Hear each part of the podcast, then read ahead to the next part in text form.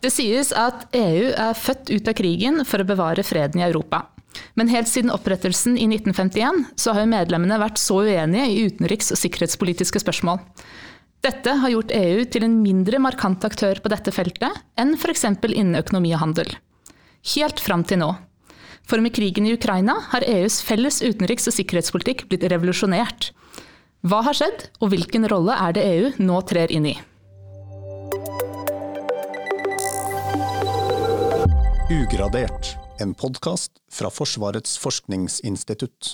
Denne episoden av Ugradert skal altså handle om den sikkerhetspolitiske utviklingen i EU og Europa etter den russiske invasjonen av Ukraina. Mitt navn er Katinka Brattberg, og med meg i studio har jeg sjefsforsker her ved FFI, Bjørn Olav Knutsen. Og så har vi vært så heldige å få besøk også fra NUPI, med forsker Pernille Riker. Så velkommen begge to. Takk. Dere har jo begge to europeisk sikkerhetspolitikk som deres fagfelt. Så her har vi da svært godt kvalifiserte personer til å kunne gi oss en innføring i hva det er som nå skjer i EU og i Europa. Og det er fint, for europeisk sikkerhetspolitikk det er litt vanskelig å få tak på. Mye av grunnen til det er fordi det er mange forskjellige aktører som er med, det er mye eh, forkortelser og mye, mye som skjer. Eh, og mange er kanskje ikke engang klar over at EU også har et eget forsvarssamarbeid. Så kan ikke dere aller først ta en liten sånn kort eh, gjennomgang av hva som er hovedforskjellen mellom Nato og EU når det gjelder sikkerhetspolitikk? Ja, altså For å begynne med, med Nato, så er jo det en forsvarsallianse. Uh, og som sikrer USA en politisk og militær tilstedeværelse i Europa. Nato består av 30 uh, land, mens EU ikke er en forsvarsallianse, men en politisk og økonomisk union, som også etter hvert har fått sikkerhets- og forsvarspolitisk kompetanse, som har blitt utvikla over, over, mange, mange uh, år. Historia til det kan jo gå tilbake igjen til f.eks. San Malo-toppmøtet mellom Frankrike og Storbritannia i 1998, og så ble EUs forsvars- og sikkerhetspolitikk operativ i 2003.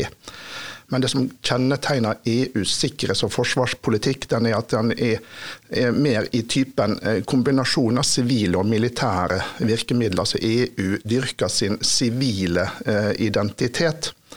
Og det som kjennetegner alle EUs operasjoner, enten om det er sivil eller militær art, er at det er en kombinasjon av både sivile og militære virkemidler. Husk på det at EU også er verdens største bistandsaktør, men har også militære virkemidler. og Det er den såkalte helhetlige tilnærminga som kjennetegner EU som aktør. Nato er en militær allianse og har stort sett bare militære forhold i sin verktøykasse. Ja, jeg kan jo bare slutte meg til det du sier her, Bjørn Olav. Eh, på mange måter så kan man jo si at integrasjonsprosessen altså dette, Begge institusjoner ble opprettet etter annen verdenskrig.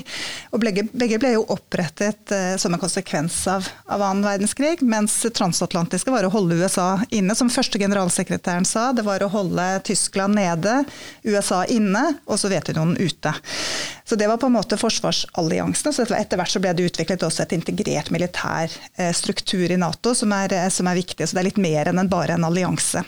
Og så har jo utvidelsen gjort at det også er en politisk organisasjon eh, som har et formål med å forsvare demokrati og, eh, og det liberale eh, samfunnet. Og i dag ser vi jo viktigheten av Nato fortsatt i dag. EU e ble jo litt annerledes, for det er opprettet som Bjørn Olav sa, på en økonomisk integrasjonsprosess først og fremst.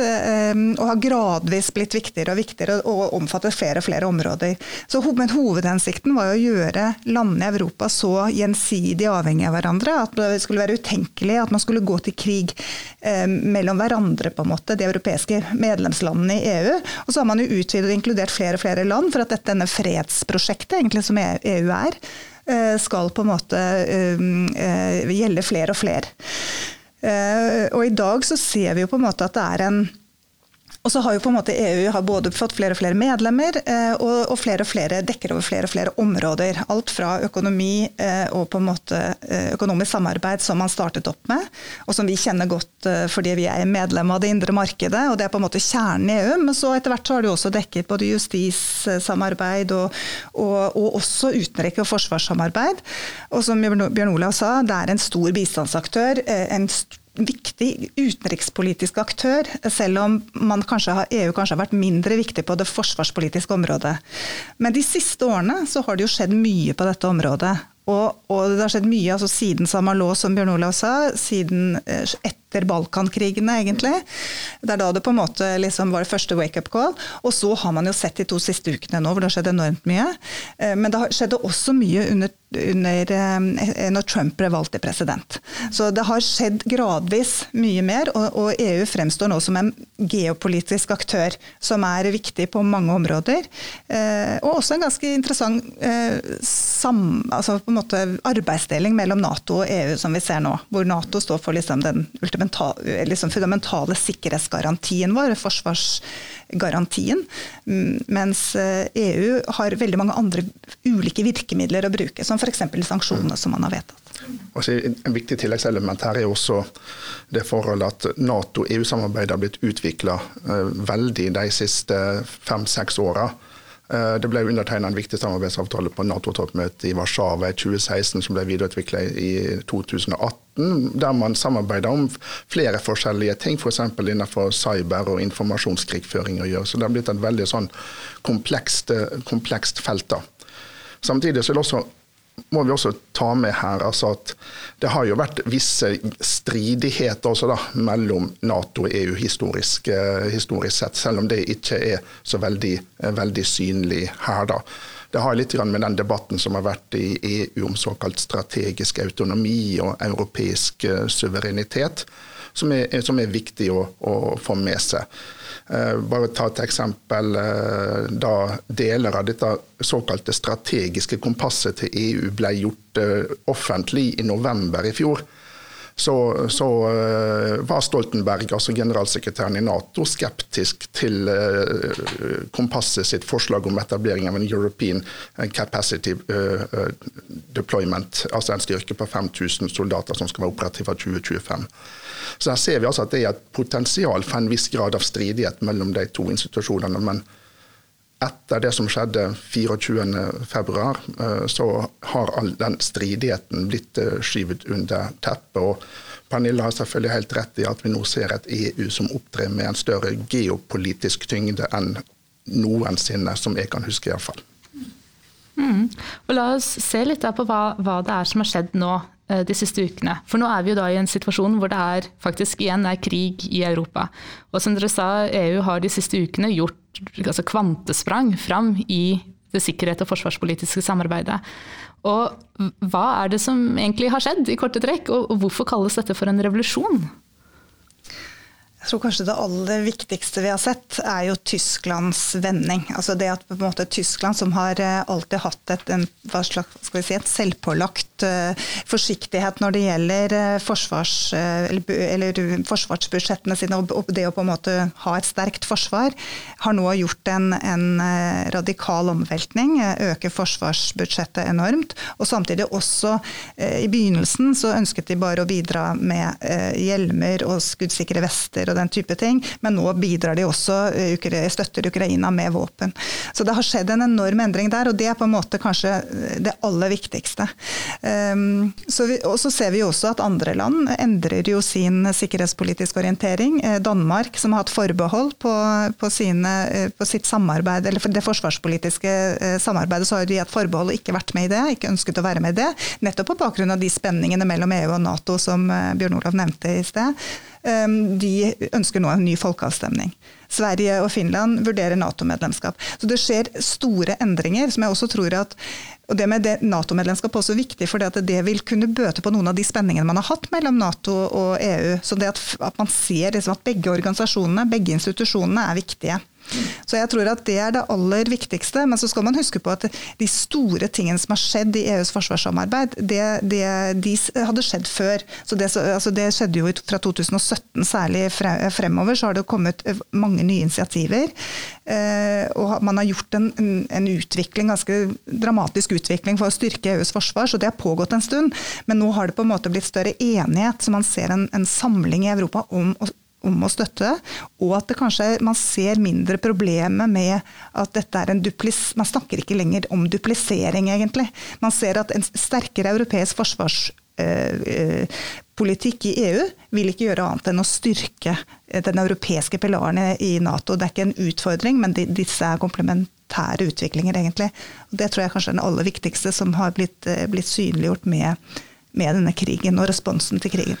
Så Det som overrasker meg litt, det, altså, det russiske angrepet ble igangsatt tidlig på morgenen den 24. februar. Og 27. februar, bare tre dager etterpå, så holdt altså Olaf Scholz, forbundskansleren i Tyskland, den talen i den spesialsesjonen i forbundsdagen den søndagen.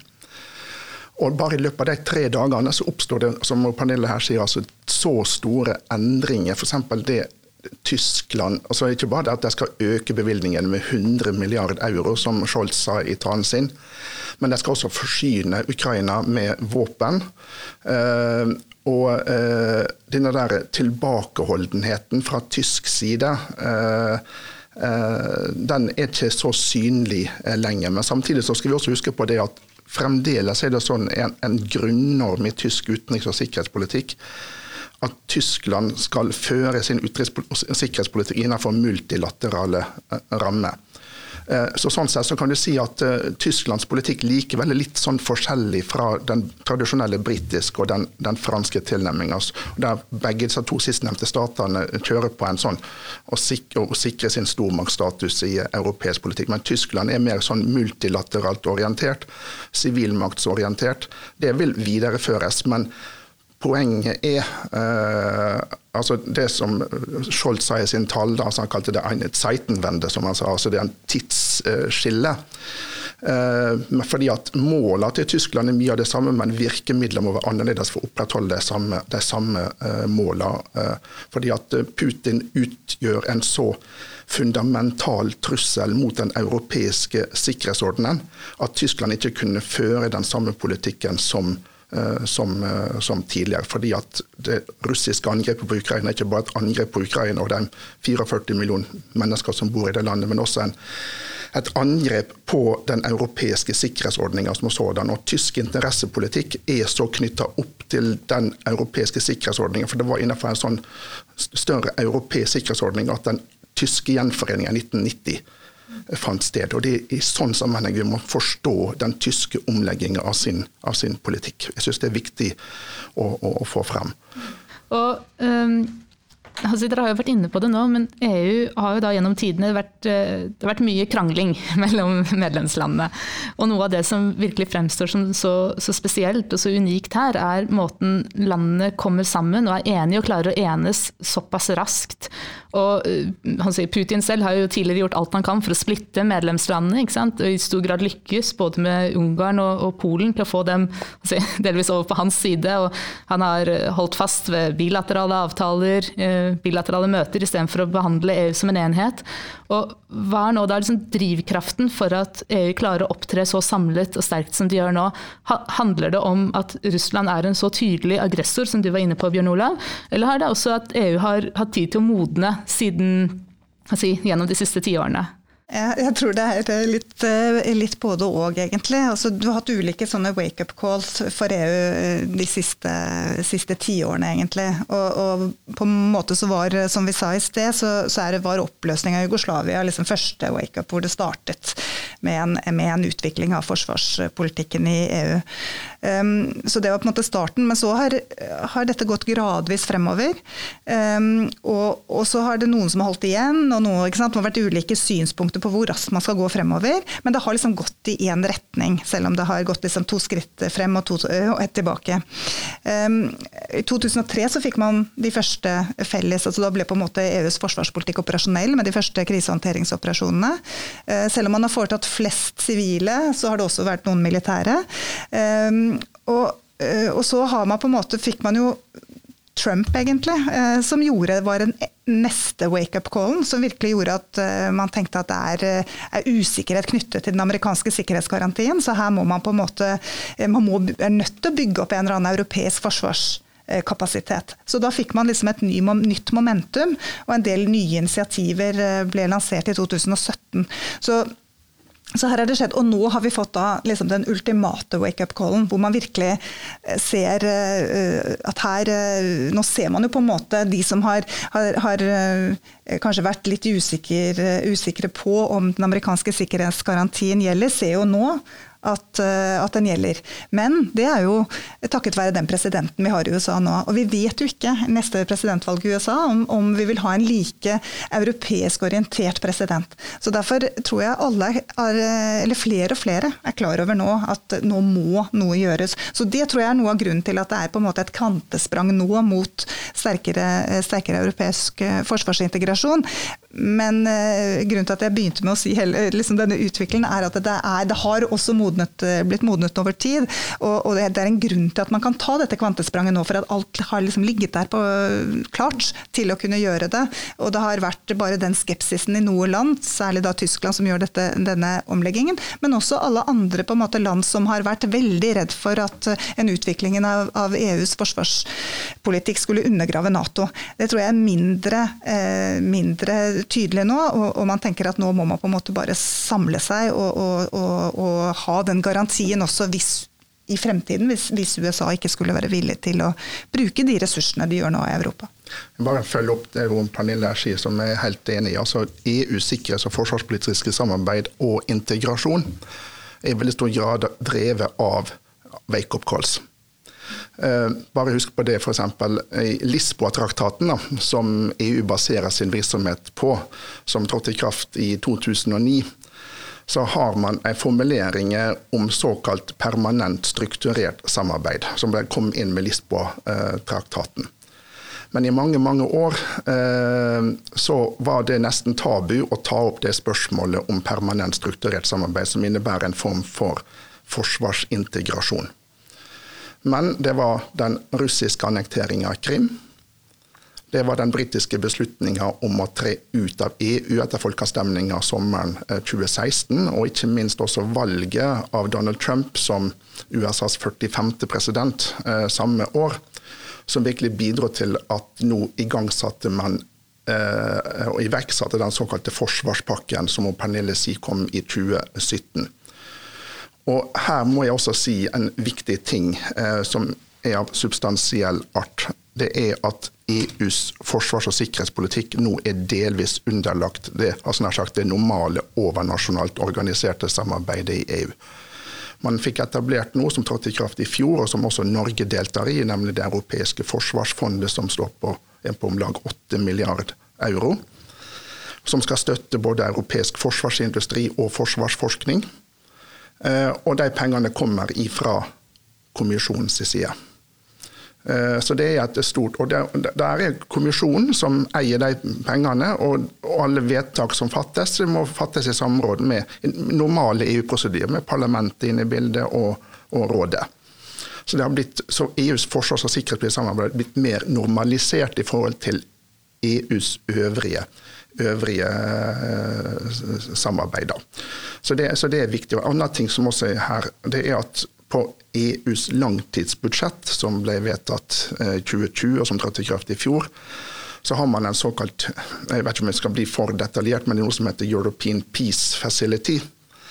Uh, som også skal bidra til å støtte opp under og finansiere EU-operasjoner. Og Der tar man nå 500 millioner euro for å finansiere våpenkjøp til Ukraina. Dvs. Si det er 450 millioner i skarpe våpen, og så 50 millioner til sånn ulike typer beskyttelsesutstyr og, og, drivstoff og sånne ting. Så det er en, en voldsom, voldsom, endring. Så både når vi ser for endringer i tysk forsvarspolitikk og det som skjer på EUs politikk, så, så ser jeg er en veldig stor parallell mellom eh, at, eh, at, begge de to aktørene, både Tyskland og EU, går i retning av å ta et større ansvar for egen, egen sikkerhet. Og det spiller opp igjen til det transatlantiske igjen. Altså at du, du, ser altså at når EU tar større ansvar for egen sikkerhet, så også, bidrar også det til å eh, forbedre og legge et bedre fundament for de transatlantiske relasjonene. Som Pernille her sa, dette her med hva, hvem blir president i USA i 2025? Det er jo det langsiktige spørsmålet her, da. Absolutt. Jeg bare legge til én ting. Eh, det som er litt interessant, er jo den, det som du sa nå, Bjørn Olav, med European eh, Peace Facility. For det at, det at dette ble opprettet, og at kommisjonen faktisk nå har fått en rolle også på forsvarspolitikken, gjorde at man kunne ta en beslutning veldig raskt om å finansiere. For det, som ofte har vært problemet med EUs eh, forsvarspolitikk, er jo at alle landene skal bli enige og ta en beslutning, og det kan ta tid. Nå var det en, en voldsom, nå, nå krevde man at man tok beslutninger raskt, og kommisjonen hadde fått en en viss kompetanse, som det heter, eh, myndighet på, det, på, dette området også, som ikke de hadde tidligere. Og de hadde en budsjettpost som var mye større, og de kunne si at vi kan gå ut og finansiere. Da er det lettere for statene. Det er jo fremdeles medlemslandene som måtte bidra med disse våpnene til Ukraina, men, men kommisjonen kunne finansiere det. Så det, det er viktig. Fått, og det gjør at EU har blitt en sterkere aktør. Men så, så tror jeg nok at fremover så kommer vi nok til å se litt sånn differensiert eh, på en måte integrasjon på dette området, hvor, hvor, i noen tilfeller når man skal agere raskt, så vil enkeltland kanskje ta hovedansvaret, sånn som Frankrike har gjort noen en sånn tidligere, f.eks. i Mali, så, så, var det Frankrike som på en måte man måtte ta en beslutning raskt, intervenere. Så kan man si hva man vil om den operasjonen og hvordan det har gått, men, men enkeltland har mer kapasitet til å, til å agere raskt, eh, ofte i, i, i sånne situasjoner. Og Der har EU fremdeles en, en, vei å gå. Eh, men vi så nå at det faktisk var, var, var, mulig, i hvert fall når det gjelder å på en måte bidra med våpen. Og det, det, Da så vi på en måte også en, en, slags arbeidsdeling mellom EU og Nato, som var interessant. Mm. Kan vi, eh, Du snakket Pernilla, om eh, at EU jo også har hatt egne militære operasjoner, også sivile operasjoner. Og I dette tilfellet så har jo verken Nato eller EU gitt noe uttrykk for at de ønsker å gå inn i konflikten i Ukraina. Um, og Ukraina er jo heller ikke medlem av verken Nato eller EU, som vi vet. Men altså, både Nato og EU har jo tidligere også vært involvert i, i konflikter, i kriger i land der, som ikke er medlem uh, av organisasjonene. Og hva kan dere se for dere et scenario der det ville vært aktuelt at EU f.eks. gikk inn med styrker i konflikten her? Eller, eller en sivil operasjon i den mm. Det er jo det som er det store dilemmaet. For her kan vi plutselig, hvis man bidrar med styrke, særlig Nato, så, så kan man jo risikere å eskalere eh, krigen. Eh, og at man kommer i en direkte militær konfrontasjon med Russland. og Det er jo det man ikke ønsker. Så frykten her er jo at det skal eskalere, og bli en storkrig, og i aller verste fall en, en tredje verdenskrig. Så dette her er jo på en måte det store. Og så er det jo selvfølgelig det at Russland har atomvåpen, som gjør at det er en helt annen situasjon enn de andre Eh, på en måte konfliktene og krisene rundt omkring i verden man har, eh, har bidratt, eh, bidratt i, i, krisehåndteringsoperasjoner. Da har man gått inn i, i, som en humanitær intervensjon, eller, eller, man har gått inn av ulike grunner. Er litt, det, men ikke hatt den, den trusselen. Nå, da, nå vi, er vi i en helt annen situasjon, og det er derfor man er så veldig tilbakeholdne med å sende, sende styrker. Eh, så dette måtte være i så fall hvis man kom til en fredsavtale, og eventuelt da ville det kanskje vært naturlig at FN-styrker ville gått inn for å, for å på en måte overse en, en, en at fredsavtalen opprettholdes. Men det er ikke noe særlig eh, Man skal, ikke, skal, aldri si aldri, fordi det er noe med hva er det som kommer til å skje fremover nå. Hvilke type våpen er det Russland kommer til å bruke. Hvis dette blir en, en så brutal krig, så kan man se at det blir et stemningsskifte eh, også på, i, i Nato EU hva man eh, ønsker å gjøre. Men jeg tror man ønsker å holde ganske av frykt for, for eskaleringen. Ja, det, altså det er det helt overordnede her. altså Unngå eskalering. At vi ikke kommer i en situasjon som forut for opptakten til første verdenskrig i 1914, som starta med en uh, liten konflikt på Balkan og spredte seg til, til, hele Europa. Men denne gangen her med kjernevåpen som et potensielt. Så Det er det, det, som, det som, er det, det overordna å unngå, uh, unngå eskalering. Altså for eksempel, det har vært en del snakk om å etablere en såkalt flyforbudssone over Ukraina. Skulle man fått til det, så måtte den blitt håndhevd. Og Det kan bare gjøres ved å f.eks. Nato-fly skyte ned russiske fly. Skyte ut, eh, og skyte ned og ødelegge f.eks. luftforsvarssystem. Ikke bare i Ukraina, men også inne i Belarus og i Russland for å gjøre det. Og Da har vi eh, en, en tredje verdenskrig med en gang. Så det, det er en overordna ansvar for våre politikere nå å unngå at denne konflikten her eh, sprer seg. Samtidig som vi ser at vi har den største flyktningstrømmen uh, i Europa siden andre verdenskrig. Intern, altså Til sammen ti millioner ukrainere er nå på flukt. og i vel ferd med å passere tre millioner som har forlatt Ukraina. Altså vi begynner å snakke om nærmere 10% av den ukrainske befolkninga. Det er, jo, det er, jo, forferdelige ting vi, vi nå er, er, er vitne til. Så det å unngå å få dette her spredt til å bli en europeisk storkrig, det må være det realpolitisk overordna nå. Mm. Spørsmålet er når den grensen går. for Nato er veldig klar på at når et Nato-land blir angrepet, da vil man svare.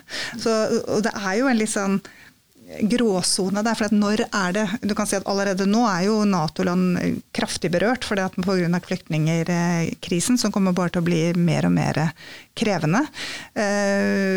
Og, så, så når den der grensen på når man kan si at et Nato-land har angrepet og må svare, den kan jo, den, det er jo ikke helt tydelig.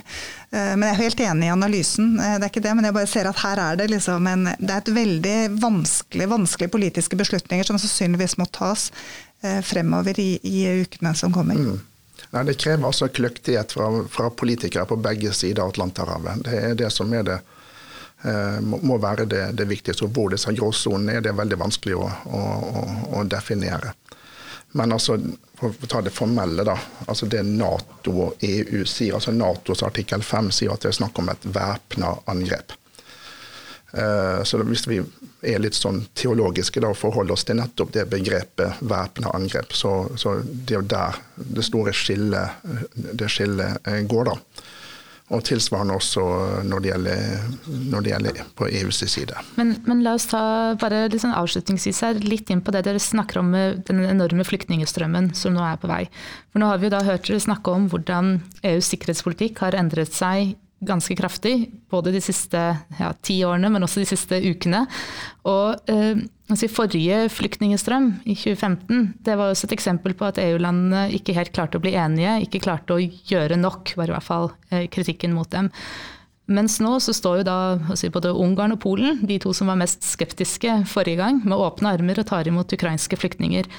Kan dere liksom avslutningsvis si noe om er det er det grunn til å tro at krigen i Ukraina også vil kunne bidra til en uh, hurtig reform, eller om ikke en revolusjon, av EUs asylpolitikk?